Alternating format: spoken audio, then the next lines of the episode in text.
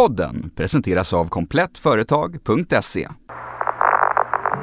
We have to get rid of the dependency of Russian gas, oil and coal. Rysslands invasion av Ukraina har gjort en helt annan fråga än själva kriget glödhet. Den om Europas stora beroende av rysk olja. The answer to this concern for our security lies in renewable energy and diversification of supply. Och nu haglar löftena om en uppsnabbad grön omställning. We can do it and we can do it fast. If ever there was a time to do it, it's now. På en kvart får du veta att tidigare kriser påskyndat innovation och hur Putins krig kan gynna klimatomställningen. Det är tisdagen den 29 mars och jag heter Erika Hallhagen. Här är dagens story från Svenska Dagbladet.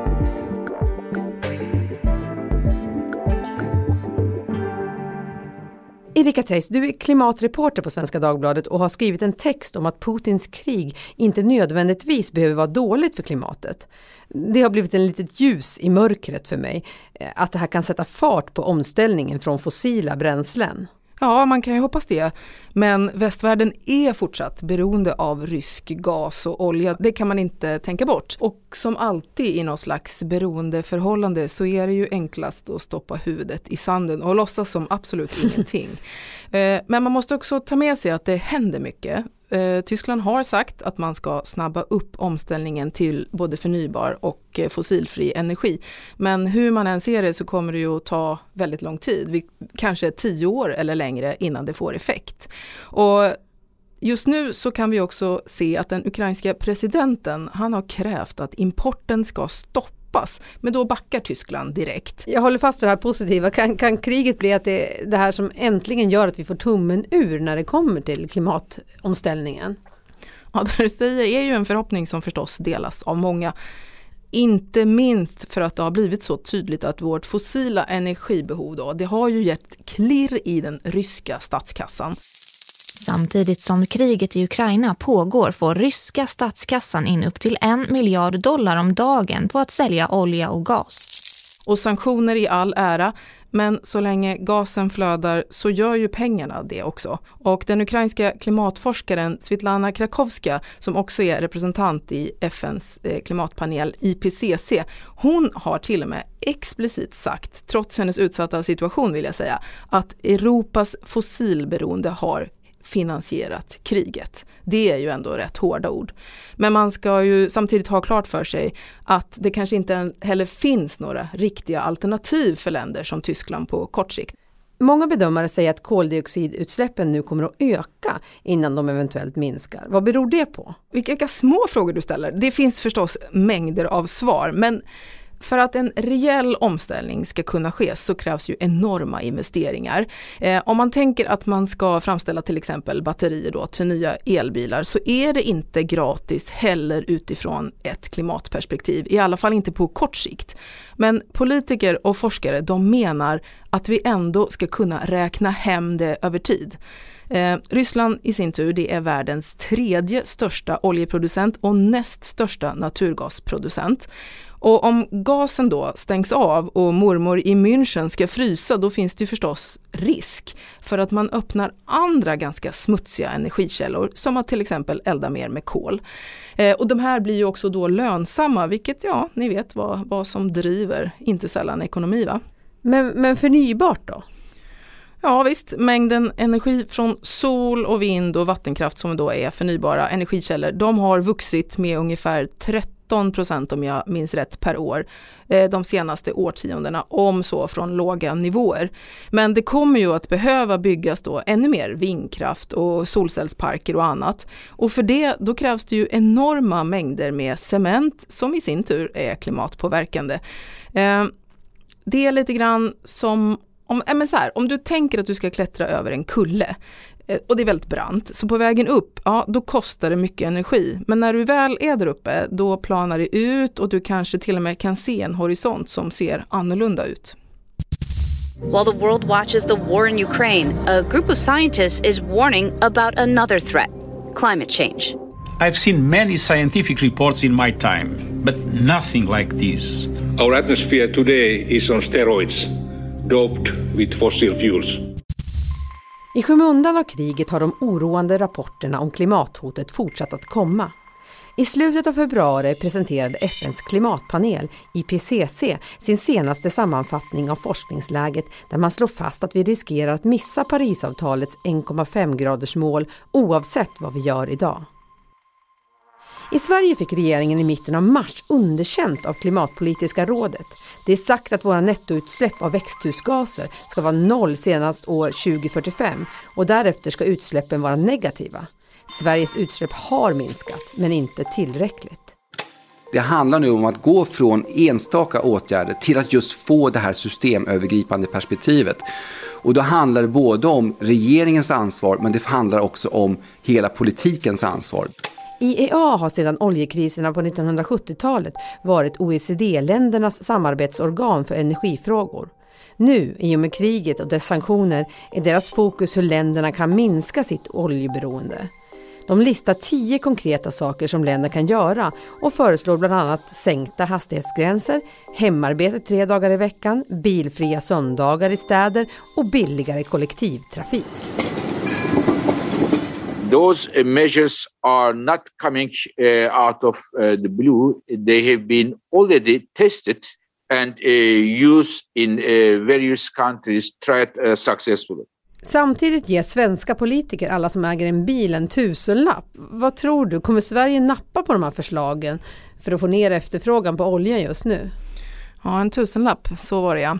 Men eh, man kan också tänka att prishöjningar på bred front på exempelvis drivmedel då, de är ju aldrig lätta att, eh, att prata hem för politiker. Och eh, hur man än ser det så slår det ju olika hårt på branscher och på, på olika delar av landet också.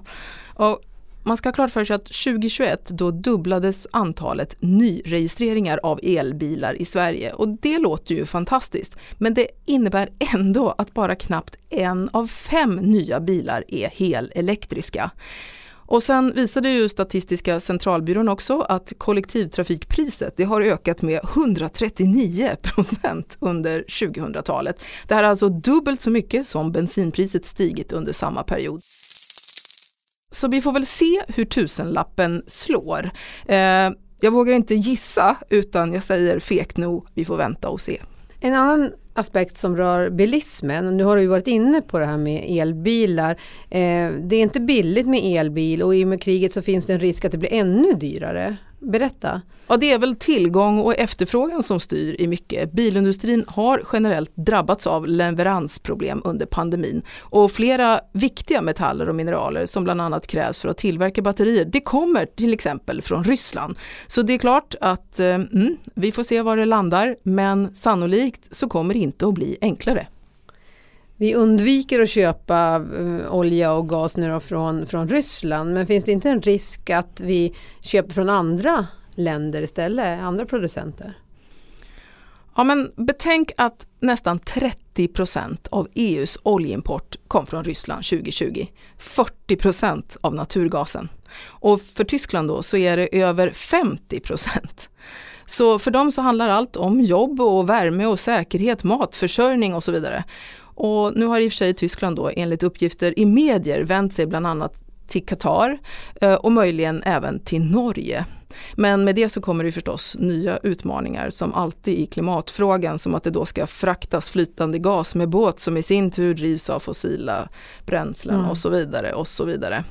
Eh, och sen, jag vet inte, jag såg också Boris Johnson, han har besökt Saudiarabien och Storbritannien har än en gång talat om fracking, som är en dyr process där man helt enkelt utvinner naturgas och skifferolja och som dessutom riskerar att förorena grundvatten och annat. Ja, vi såg liknande scenarion då efter oljekrisen på 70-talet. Norge började borra efter olja till havs och ja, kris skapar ibland nya kriser och ibland plats för innovation. Egyptian tanks and helicopters crossed the Suez Canal while Syrian forces moved on the Israeli-occupied Golan Heights. Sommaren 1973 började den egyptiska armén ha militärövningar i närheten av den israeliska gränsen. Under några månader kommer det oroande rapporter och rykten om en stundande invasion av Israel, men det hela avfärdas. Men så den 6 oktober på den judiska försoningsdagen, Jom Kippur, går egyptiska och syriska trupper in i landet med målet att återta de landområden som förlorades under sexdagarskriget 1967. Trots varningstecknen står världen lika överrumplad som 2022, drygt 50 år senare, då ryska stridsvagnar rullar in i Ukraina. Och i bägge fall är oljan ett maktmedel. Syrien och Egypten hämnas på de länder som kommer till Israels hjälp genom att strypa oljetillförseln. Och energikrisen är ett faktum. Och sex år senare är det dags igen för oljekris. Denna gång skjuter petroleumpriset i höjden på grund av den iranska revolutionen som följs av Iran-Irak-kriget. Här i Sverige fick bilisterna tanka på ranson, ett körförbud på söndagar infördes och vi började bli medvetna om att oljan är en ändlig tillgång. Men hur nattsvart krig och maktspel än kan kännas har kriserna också gemensamt att de triggar uppfinningsrikedom och samarbetsvilja. Under 1970-talet slår forskare sina kloka huvuden ihop och stora framsteg görs bland annat med bränslesnåla bilar och när det kommer till alternativa energikällor. Allt det här har alltså legat på ritborden i decennier. Vad är det som gör att vi inte har kommit till skott innan? Mm. En avancerad gissning kan vi väl kalla det här för då, eh, är helt enkelt så att om du har ett system som fungerar och där människor tjänar pengar så finns det kanske inga större incitament för att förändra det. Och bakom vårt välstånd så återfinns ju fossila bränslen i hög grad. Det ska vi aldrig glömma. Eh, och Sverige har ju för sig också en unik situation med utbyggd vattenkraft och över 90% kommer från vattenkraft, kärnkraft, vindkraft och solenergi i vår energimix. Så ser det ju onekligen inte ut i resten av världen. Så att eh, ja, komma till skott, det handlar om pengar och det handlar om möjligheter och det handlar om tid. Mycket i klimatfrågan är just det, tid. Vad kan vi göra nu och vad får effekt sen? Och hur bråttom har vi? Mm. Och hur såg omställningen efter oljekriserna på 1970-talet ut? Det vi vet är i alla fall att det blev ju lågkonjunktur och det är inte självklart bra för omställningen. Eh, men det beror lite på vem du frågar på vilken kant, om det är högre eller vänster. Men dyr olja det kan då helt enkelt möjliggöra för andra energislag, bra som dåliga, då som nu kan man väl säga. Och så börjar man satsa på fjärrvärme. Va? Jag har själv starka minnen från oljebilen som kom och fyllde på oljetanken i vår källare i Östersund. Absolut, eh, så var det ju. Eh, fjärrvärme blev populärt därför att oljan var dyr. Eh, inte minst så installerades den ju i miljonprogramsområdena och så småningom så blev det också bergvärme då för villaägarna. Men alla de här sakerna skulle jag gissa ändå hade det främsta införsäljningsargumentet att det då blev billigare än det alternativ man redan hade. Men jag ser också att det är ett exempel på svensk samarbetsförmåga som i sig då har tjänat klimatet ganska väl och det är lite fint. Och jag minns också att synen på energi eh, förändrades, möjligen kanske mer av de kärnkraftsolyckor som, som eh, hände. Kärnkraft är alltid en, en knäckfråga när det mm. handlar om klimat och energi. Mm. Vad talar emot kärnkraften i Sverige? Många vill ju se då en ökning av kärnkraften. Men då måste man ju också lite grann beröra uranfrågan. För det är trots allt så att i Sverige så har vi förbud mot att bryta uran trots att vi har uran i vår berggrund. Och eh, då är det så att 40% av det eh, uran som vi använder i Sverige, ja det kommer från Ryssland. Lite av ett moment 22 med andra ord. Men om vi återknyter till innovationerna här, jag försöker hålla fast vid dem som du märker. Vilka miljösmarta lösningar eh, har vi som kanske kan få en extra skjuts av Rysslands invasion? Vilka kommer du ha koll på framöver? Utifrån ett klimatperspektiv så vill man ju gärna se att omställningen rullar på.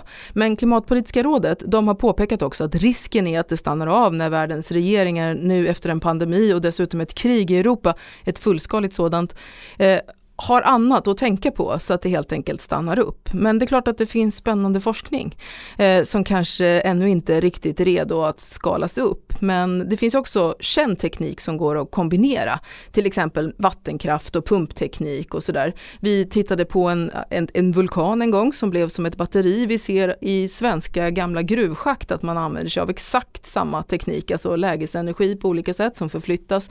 Och, eh, och det är ju ett sätt att helt enkelt nyttja det vi en gång hade till någonting nytt. Annars skulle jag säga att situationen med krig i Europa snarare skyndar på behovet av att säkra städer och samhällen, att skapa den här resiliensen då mot både yttre hot, översvämningar och hetta och annat. Men eh, även om det låter tråkigt så är det ju också någonting som skapar jobb, om så gröna jobb och den här omställningen driver ju även på ett samhälle i en riktning som många tycker i alla fall är en framtid. Vi kan bara hoppas. Mm. Vi hoppas. Vi hoppas på en framtid helt enkelt. Summerar det så. Tack Erika för att du kom till Dagens Story. Tack. Se framför dig en riktigt bra webbshop för IT-produkter och kontorsutrustning för ditt företag. Se framför dig att vid behov få personlig och snabb expertservice utan att behöva handla för flera miljoner kronor per år. Se nu framför dig Komplett Företag, din partner inom IT-produkter och kontorsutrustning online. Gör som många andra och testa fördelarna hos komplettföretag.se. Välkommen! Vi som har gjort programmet idag är producent Elin Romliotto, redaktör Teresa Stenler från Matern och jag heter Erika Hallhagen. Vill du kontakta oss så mejla till dagensstory.svd.se. Ljudklippen kom från Ekonomikanalen, EU Reporter, Sveriges Radio, Deutsche Welle och ABC News.